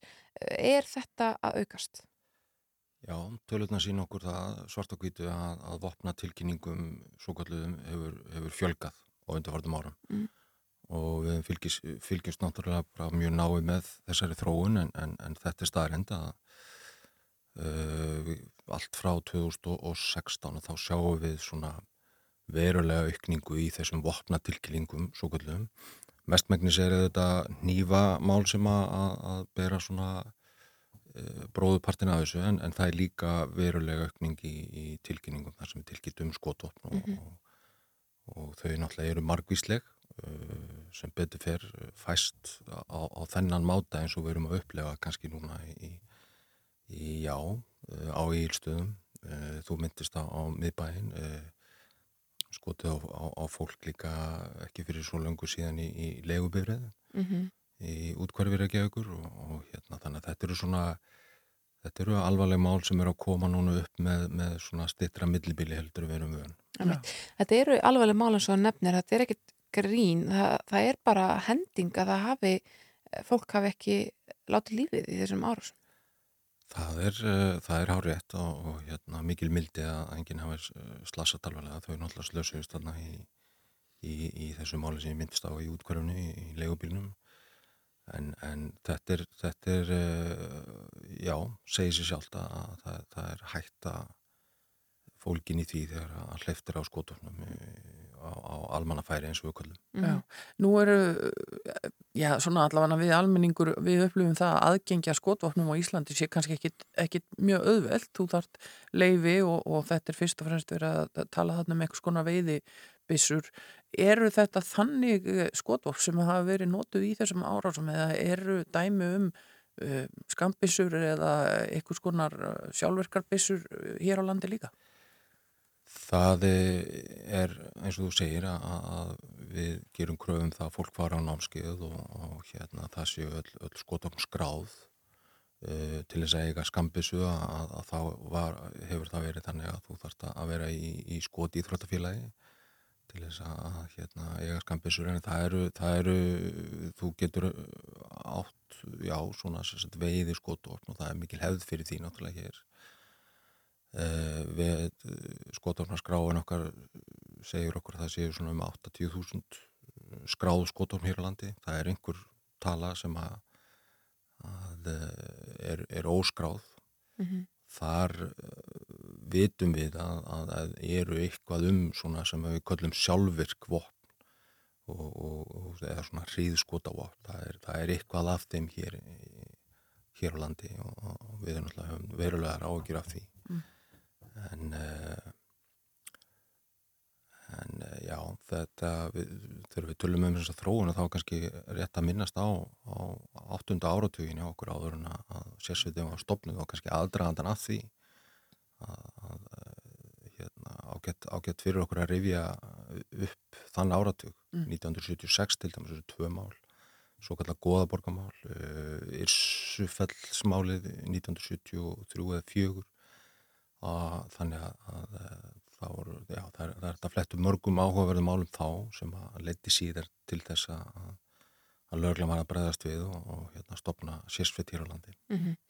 uh, af þú talar um sérsettina skulum við hans velta fyrir okkur aðgerðum ykkar í gær uh, það, þeir voru með uh, samhengamiðstöð virkjaða, það var fjöldi hóps, getur þú farið bara aðeins yfir þetta með okkur, hvað komið margir, margir að þessum aðgerðum og í hverju fólustar? Já, uh, það er sagt, aðgerðastjórn var, var virkið ekki samhæng. Já, já, aðgerðastjórn. Já, akkurat, sko, en það Það er, við, við nótumst við þetta kerfi sem að, að hefur nýst okkur rosalega vel í, í hérna, með, þegar við störfum með björgunarsveitunum, það er þetta SABF kerfi, stjórnun áallanir, björgun og, og frangvandir, uh, mjög gott kerfi og, og þannig að þegar það svona kemur upp og þá er sett upp vettangstjórn og, og það er sameigilegt verkefni lögurlunar og höfburgarsvæðinu og sérsveitar að sinna því. Mm -hmm og í gæra þá var sett upp aðgerastjórn og, og þar voru við í skóarlið og þar voru fulltrúar frá, frá Lörgluna Hauðburgsvæðinu, frá Ríkislauglstjóra og, og í aðgerastjórninu í dagstaglega eru, eru fulltrúar frá uh, slökkuliðu Hauðburgsvæðisins, við fáum alltaf sjúkrabíla á vettvang, þannig að, að það er greiðarlega mikilvægt að, að hafa á sama stað stjórnendur þeirra viðbrasaðilega sem að, að hérna, þurfa að taka uh, virkan þátt í þessum svona aðgerðum. Mm -hmm og uh, þetta gekk, uh, þetta mál gekk bara hérna mjög vel og, og hérna allar aðgjöru lauruglu svona, já gengu að mestu lindi upp. Og þar eru þið með í aðgerðstjórninni með sko aug og eiru á staðnum en það er samt, uh, það er samt stjórn á, sagt, á staðnum enga síður sem að þið eruð ekki að, að hérna, að, já Já, það er, það er eins og til dæmis með lokanir og, og, og hérna, við reynum að sjá svona hafa yfir sín yfir það og, og aðgjörstjórnum bendir á þá hvar, hvar hérna, mætt betur færa en, en vettvangsstjórnin tekur langflestar ákvarðanir og mm -hmm. aðgjörstjórnin er bara svona til stuðnings, mm. uh, hafa yfir sín og reyna að sjá hvert málið er fara, þarf að, að kalla út meiri mannskap uh, og svo bara þessar stóru ákvarðanir sem eru ekki taknast. Og þannig gær þá þurfti að, samningamann til þess að ræða við mannin sem að, að grunar er um að hafa skotið uh, út um, ja, um glukkan á íbúð, íbúðsinni um, hvernig fer það fram? Hver er það sem að er í því hlutverki? Við höfum segið þetta í bíomöndum. Já, akkurat og, og hérna við í nágrannlandum okkur þá eru við með, þá eru, eru, eru lögurlinn þar með sérstaka samningahópa við höfum verið að leggja mikla áherslu á það undanförnum árum að, að hérna, þau sem eru ráðin inn í, í lögluna hjá okkur séu afburða hæf í, í mannlegum samskiptum. Mm. Þannig að þetta byrjar þar og, og þá má alveg segja að allir löglumenn séu svona í grunninn samningamenn. Mm. Þetta er bara löglustarfi snýst. Hluta starfinu? Já, þetta snýst rosalega mikið um góð mannleg samskipti. Við erum að hitta fólk í allskeins ástandi og, og, og þetta byrjar alltaf á samskiptum. Mm -hmm.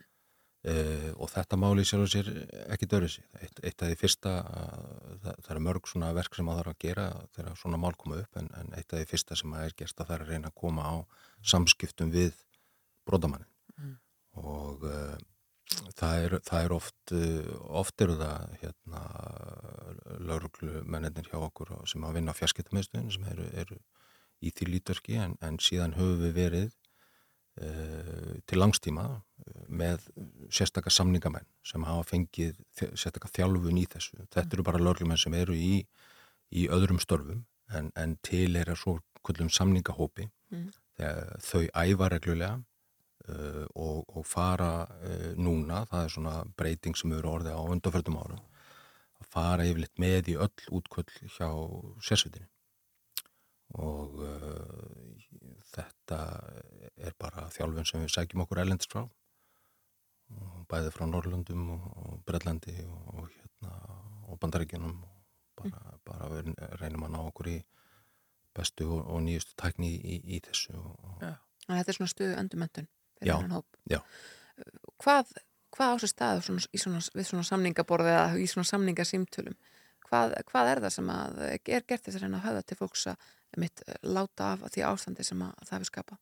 Já, það snýst bara fyrst og fremst um það að, að, að, að já, meta, þetta gefur okkur náttúrulega bara goða insýn inn í, inn í hvort ymitt getur, gefur okkur einsinn í ákvarðanir sem maður þarf að taka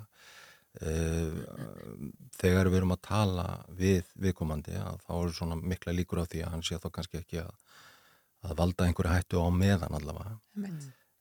það getur oft verið í greiðarlega áskoruna að koma á sambandi og, og í einhverjum undantekningatilfellum þá höfum við náttúrulega lendið því að, að viðkomandi vill bara ekkit ræða við lörglu mm og engin leið að koma á sambandi en, en það við leggjum mikla áherslu á þetta að, að koma á sambandi og, og eiga þessi samskipti og þannig að markmiðið er að, að fá viðkomandi til þess að, að eins og ekki er að koma til örglu og, ja. og hérna láta af þessari hegðun þetta, ja. þetta, þetta snýst um það allar, allar markmið já, fyrsta markmið okkar er að koma á jafnbægi aftur stöðuleika og, og á vettvangi og, og þetta er grunnurinn í því Tekst það oftast?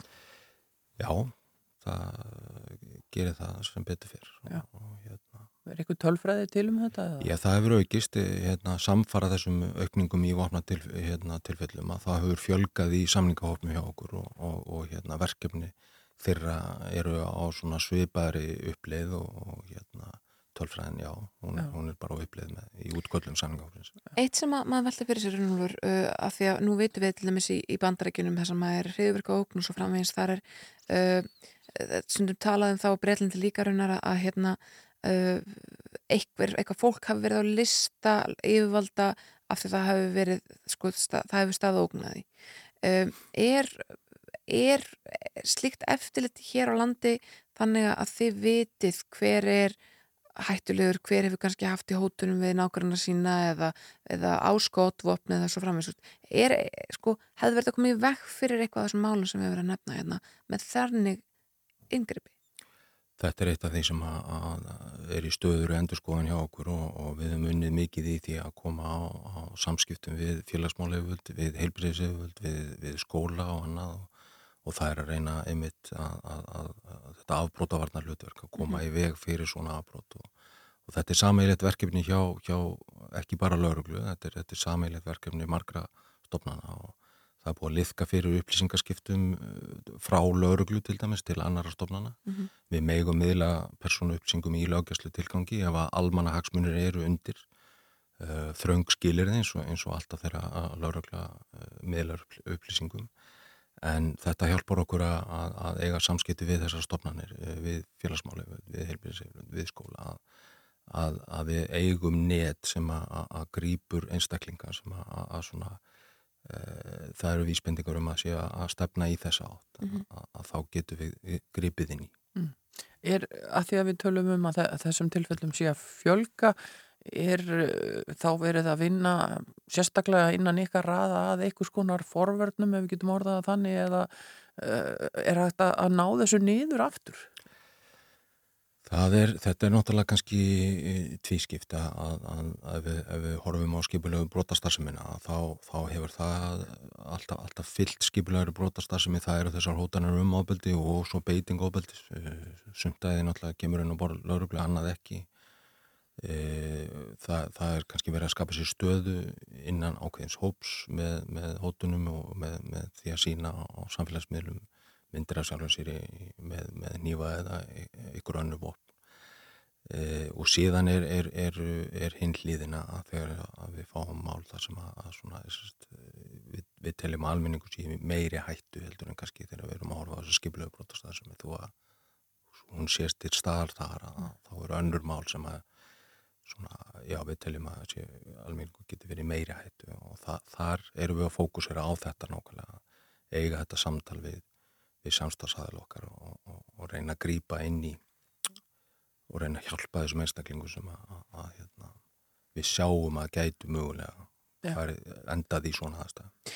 Eru við Íslingar duglega við að, uh, tilkynna svona það fólk sem að við einhvern veginn erum, höfum áhugjur af að sé á þessum slóðum vinnufélaga eða fjölskyldummeðlemi eða svo framvegs eru við duglega því að láta vita af þessu fólki? Í það við fáum alveg eh, hérna tilkynningar og, og, og þá fer, fer þetta í þetta við erum með sérstöku áhættu greiningartæki og eh, áhættu meðdum hérna og, og tökum síðan ákvarðanir út frá því en, en, en ég held að það sé, sé gott bara að minna á það að, að hafa samband ef, ef að fólk telur að, að þetta sé möguleiki á, á einhvers konar svona hegðun að hafa samband við lörglu þar að gera það bæði naflust og það er eins að leiðir til þess að koma og frambara upplýsingu til okkar, það eru netveng og það eru samskipti á, á Facebook til dæmis við lörgluna höfuborgarsvæðinu þannig að, að fólk á endilega að koma til okkar ábendingum og við skoðum álum það, mm. það, það er gott að minnast á það. En heilt yfir þá gekk yngu aðgerir í hafnafyrði velikær og, og þið eh, gangið sáttur á borðinu lörglunar eða eitthvað Já, það, það er allavega, það, það er alltaf svona, já, getur verið tvíbenda að, að rósa sér svona daginn eftir en, en, en við svona, við sjáum ekki, ekki margra, margan hnögra á því sem að, að eftir að þetta gerðist sem að við gerðum þarna en, við, við erum kannski ekki bestil sem er það. Nei, emitt. Uh, takk kærlega fyrir komina í morgunúttarpyru Nólur Þórálsson, aðstóðar yfir lauruglu þjóttni í greiningi til Ríkis lauruglu stjóra. Uh, við fyrir að skipta þér í frettæfild en fyrst má músík. Já, við ætlum að fara hérna í lag sem að, eh, já, þetta er nú orðið síkilt í popinu getur við sagt í dag. Þetta er uh, hljómsveitin Coldplay og lag sem heitir Yellow.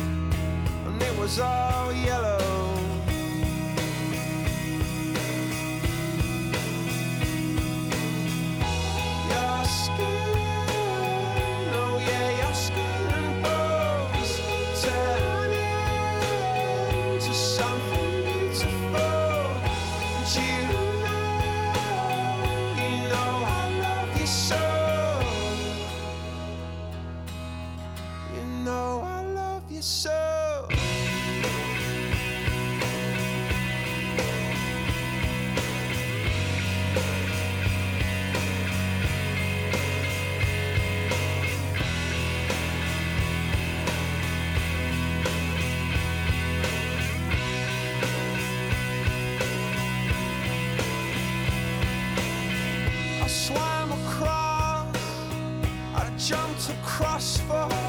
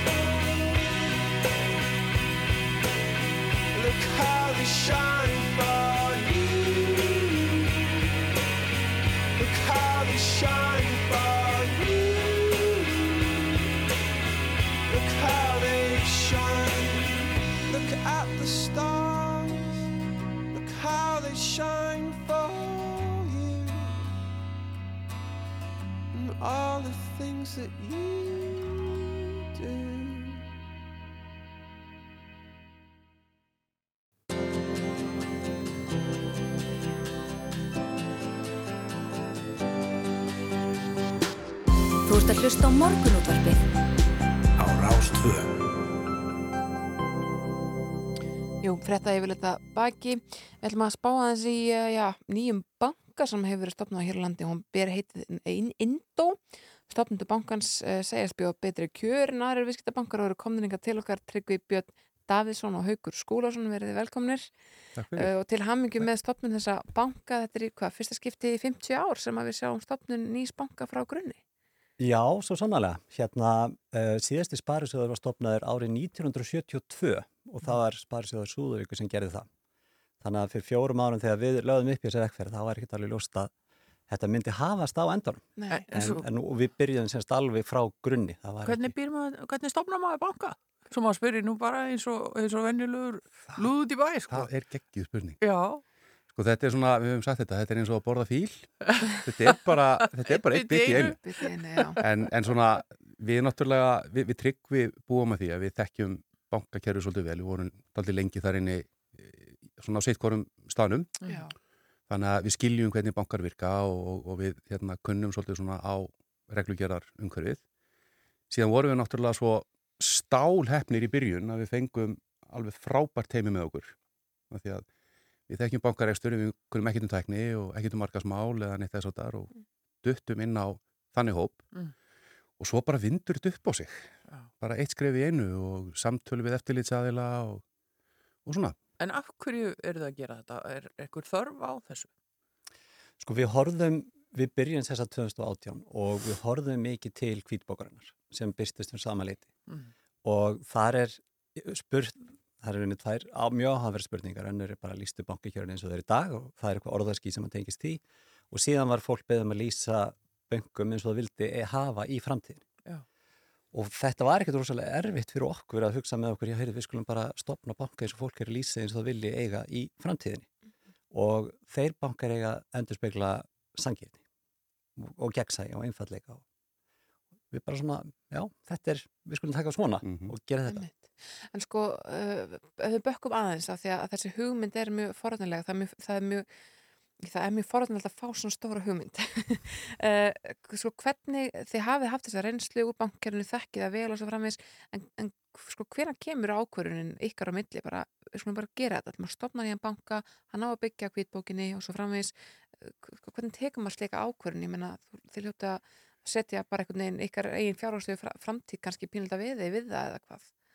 Já, svarið er já, við Já. setjum okkar fjárhærslu framtíð að veði við þetta verkefni og ásamt okkar fjárhærstum en hvernig tekum maður þannig ákvörðun? Sérst, eh, aðdraðandinn að ákvörðunni er daldi langur, eins og Hauka nefndi ég náðan, við höfum mikla reynslu úr bankakjörunu Mhm. hún er kannski svolítið ólík en við kannski eins og flest á okkar aldri sógumst inn í í- um árið 2000 og svo hefur maður unn innanlands og erlendis og aftur hérna innanlands og ég setið í í framkvæmdastjórn líka, þá sérðu virkilega hvernig viðskiptumótir bankans er að virka. Mm. Uh, Haukur hefur aðeins öðruvísi reynslu og er allstaðar að, að í öllum deildum banka að pota og skoða hvernig hlutinu virka og þess að þar. Sameila komist að þeirri niðurstöð á kaffúsi í borgatunnu að það er tækifæri til að stopna nýjan banka. Mm. En aðdraðandin er þessi langa vekkferð að hafa skoðað og prófað þetta mótel frá öllum hliðum í 20 ár, tæplega. Já. Fyrir hvern er þessi banki, Indó? Bara okkur öll. Og er eitthvað kröfur, þurfum við að eiga eitthvað pening til að geta komið þannig í viðskipti eða hvernig mun þetta virka? Þa, það mun nú alveg hjálpa að geta sett eitthvað inn á bankareiningi til þess að geta notað okkur Já. en, en það í sjálf og sér er ekki krafa. Nei. E, við förum á stað í, í fyrstu með e, veldureikninga, tekkareikninga og debitkort fyrir einstaklinga Mhm. e, og app náttúrulega líka sem er svona þunga miðjan í því sem við erum að gera. E, síðan svona þegar framlýða stundir að þá fjölgum við vörunum og, og bætu við fleiri vörum, möguleg einhverjum útlánu vörum og, og förum að bjóða þjónustu við svona lítil og, og meðalstór fyrirtæki. En þetta er fyrst og fremst hugsað sem þjónusta fyrir bara okkar daglegu neyslu þegar við erum að kaupa út í búð og erum að kaupa á netinu og erum að millifæra á bönnun okkar og eitthvað þess aftur og við viljum gera það bara gríðarlega vel. Já, og er þetta þá fyrst og fremst, eins og segir, app og, og netbanki eða verðið með eitthvað afgreðslu eða höfustöðar eða hvernig er það að hugsa? Nei, sko, eh, til þess að geta bóðið sangjötkjör og hend út þessum þjónustugjöldum sem eru ofta á svona angra fólk, Mhm. að þá þurfum við að hafa mjög strömlínulagað og, og hérna svona, svona afmarkað vöruframbóð.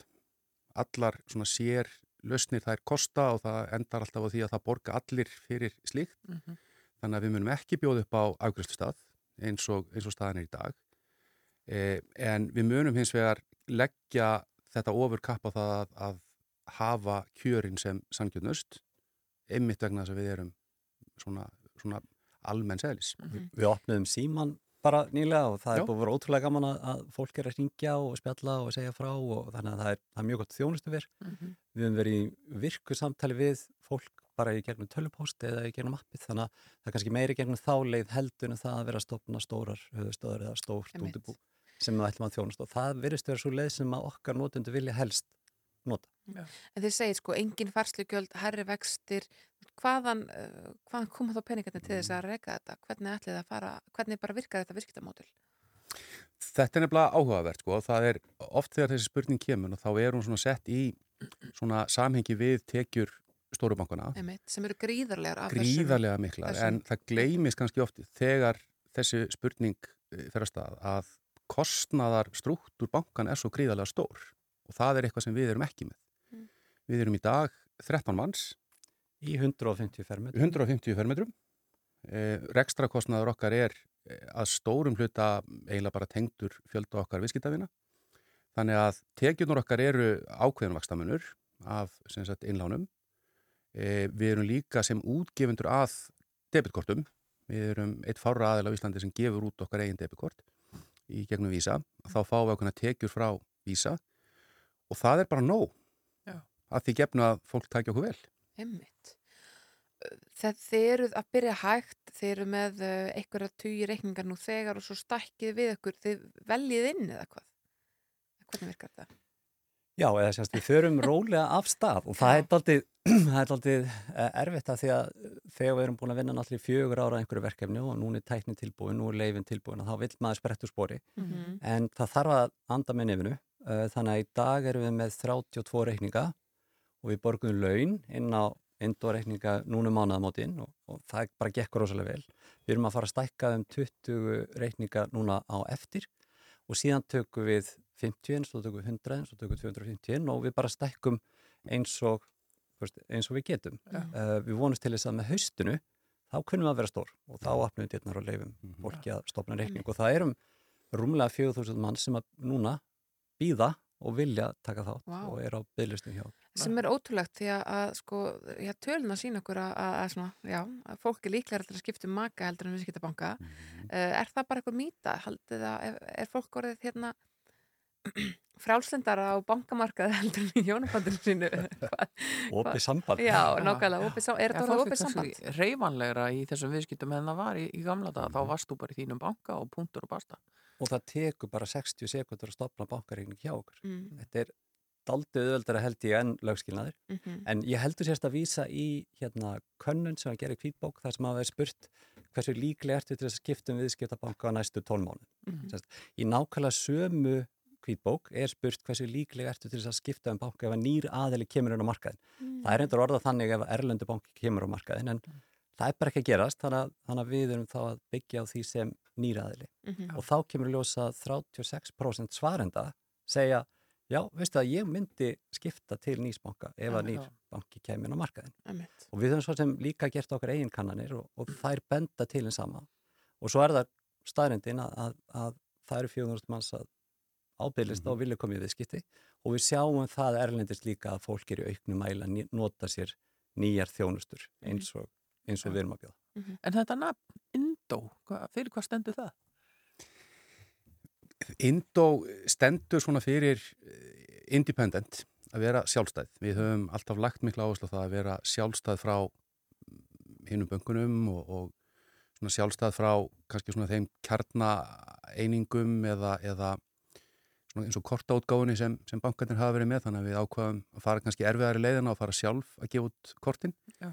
E, og síðan er það þetta sér íslenska skemmtilega fyrirbæri að stitta orð og setja ó í staðin það er eins og strætisvagn verður að strætó og bíómynd verður að bíó og, Mhm. og svona.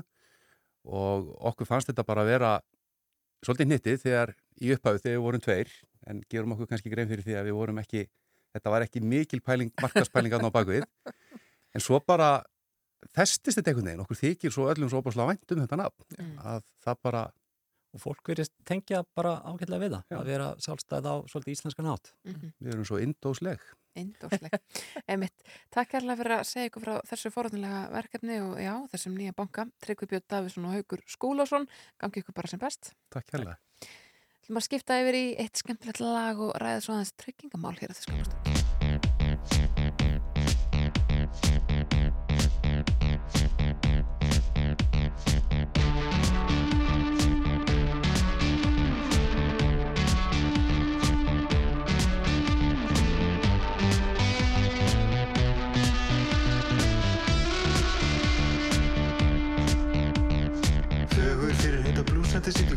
Hullar nöfnfötum í greinjandi ríkningu Stími heim í heiðadali Góður strákur og velu bali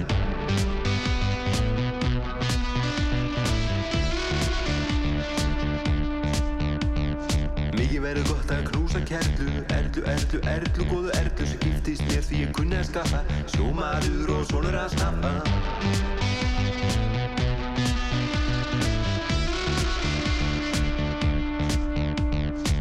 Laka svo til að hitta börnin. Maríu, Hænu, Hafþór og Örnin Vinna upp tíma, klippa smá og líma. Í eldingaleik fram að átta tíma.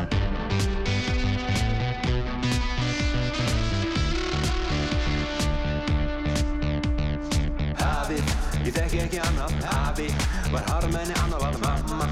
Sultu slögnuna, sýstir mín Gunna, Funna, Brósi Var öruglega vangi minn frendi Rendi mig að eskunni Hafi, ég þekki ekki annað Hafi, var harmenni annar var mamma. Sultu slögnuna, sýstir mín Gunna, Funna, Brósi Var öruglega vangi minn frendi Rendi mig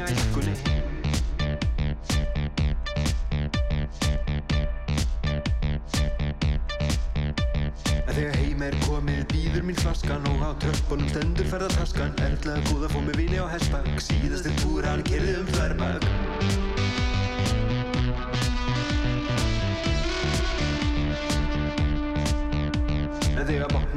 bara að standa upp aftur. Þetta veit hver hilbit er aftur. Vaknandi mönnum er best að lifa. Lífi geta þið hundar geta stefa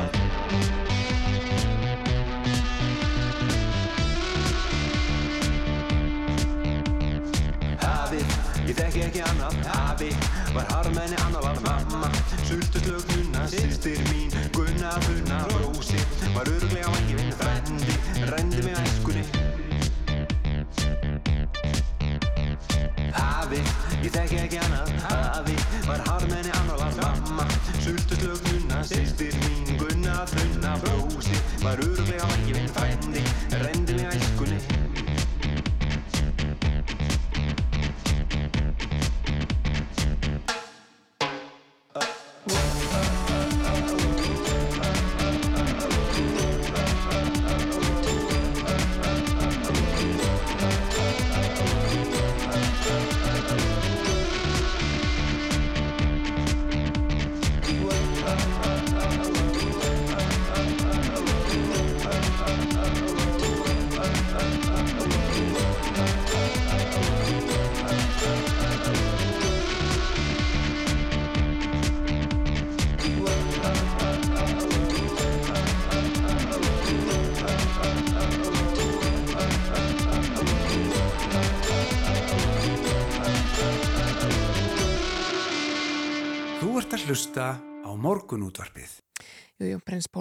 Í vikunni hefur verið rætt um tryggingamál eftir að maður steg fram og sagðist hvergi geta líftrið sig vegna þunglindis.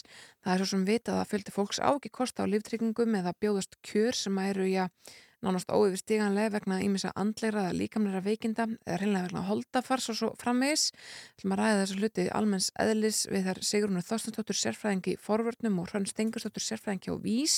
Það eru komnaringa til okkar verið velkomnar. Takk fyrir það. Uh, byrjum kannski aðeins á að velta þessu fyrir okkur sko Já, þau sem að hafa farið í gegnum uh, þann, fer, fer, þann feril að reyna að fá sér líftryggingar þekkja það vel að þetta eru svona langi spurningarlistar og það þarf að uppfylla ímsar kröfur uh, hverjar eru helstu kröfur í þessum efnum? Hvað er það sem að, að hérna, gera verkum að fólk bara á ekki breyk?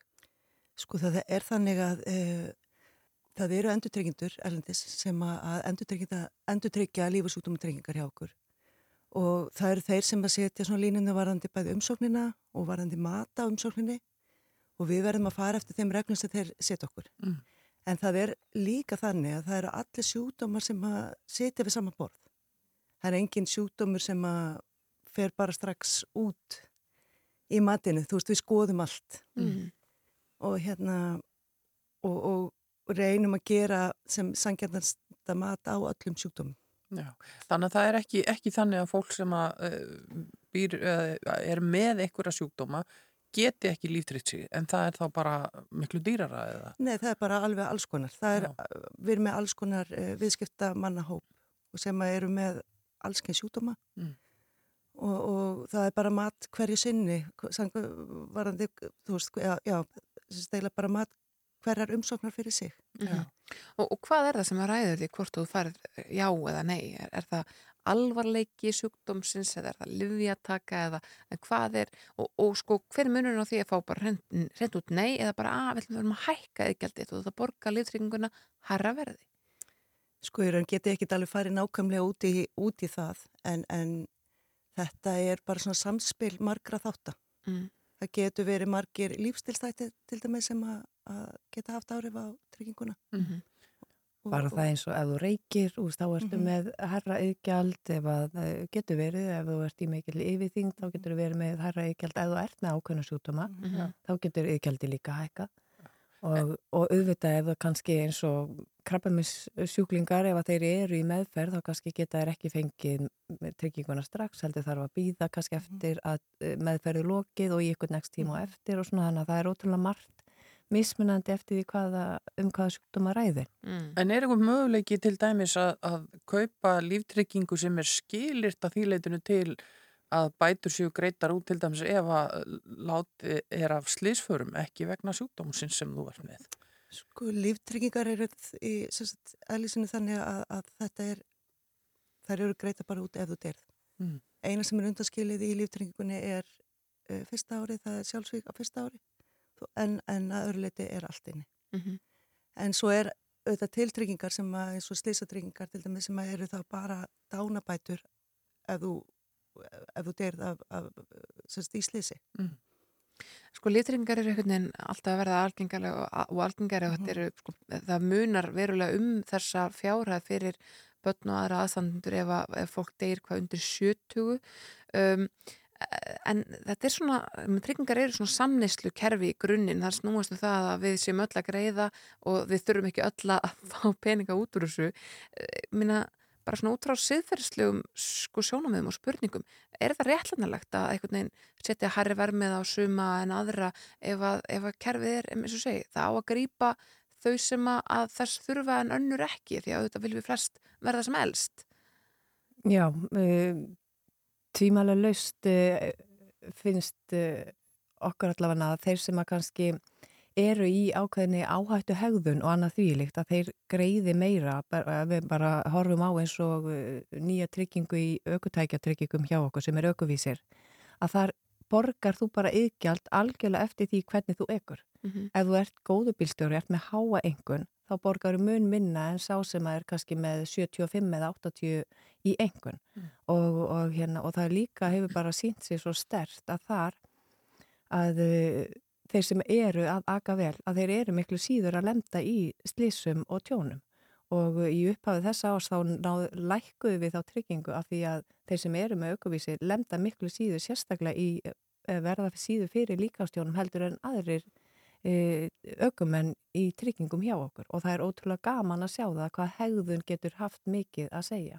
Já, Og- en ef við, ef við grípum það eins, Mhm. að hérna, þú getur verið með sjúkdóm en Mhm. lifa mjög heilsusamlegu lífi og lifa með þínum sjúkdómi án þess að hann eh, sé endilega að... að En svo deyrðu bara úr okkur öðru. Já, ég meina, er, er þetta eitthvað tekið inn í þetta mat á þessum umsóknum?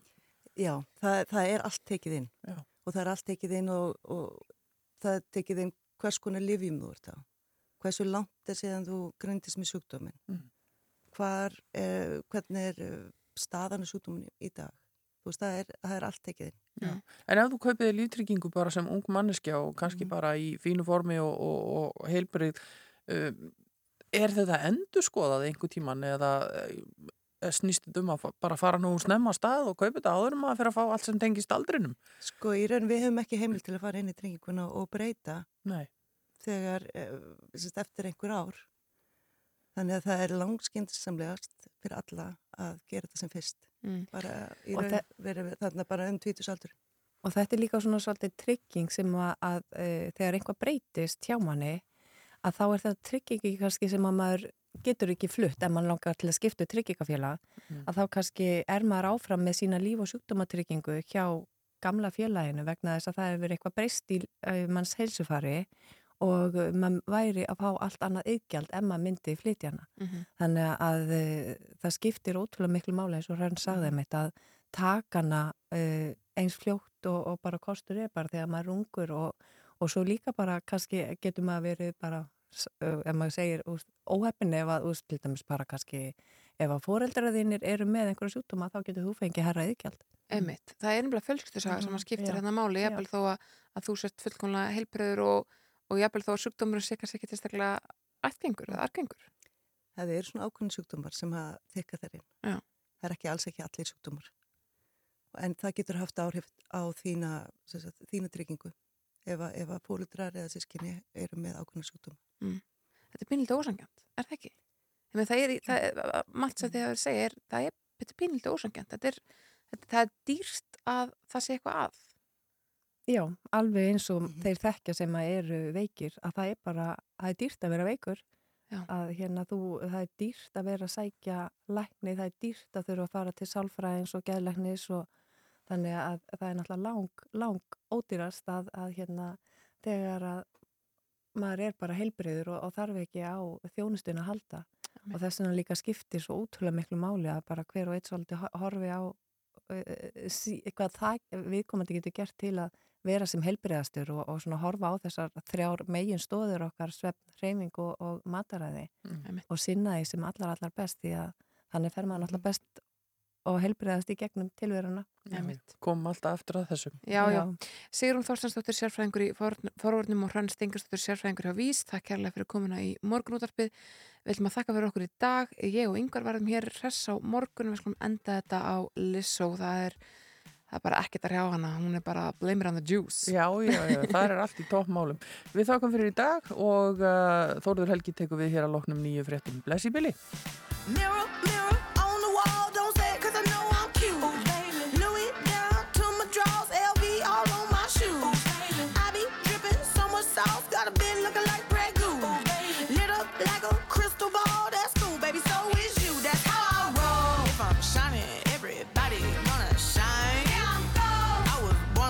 don't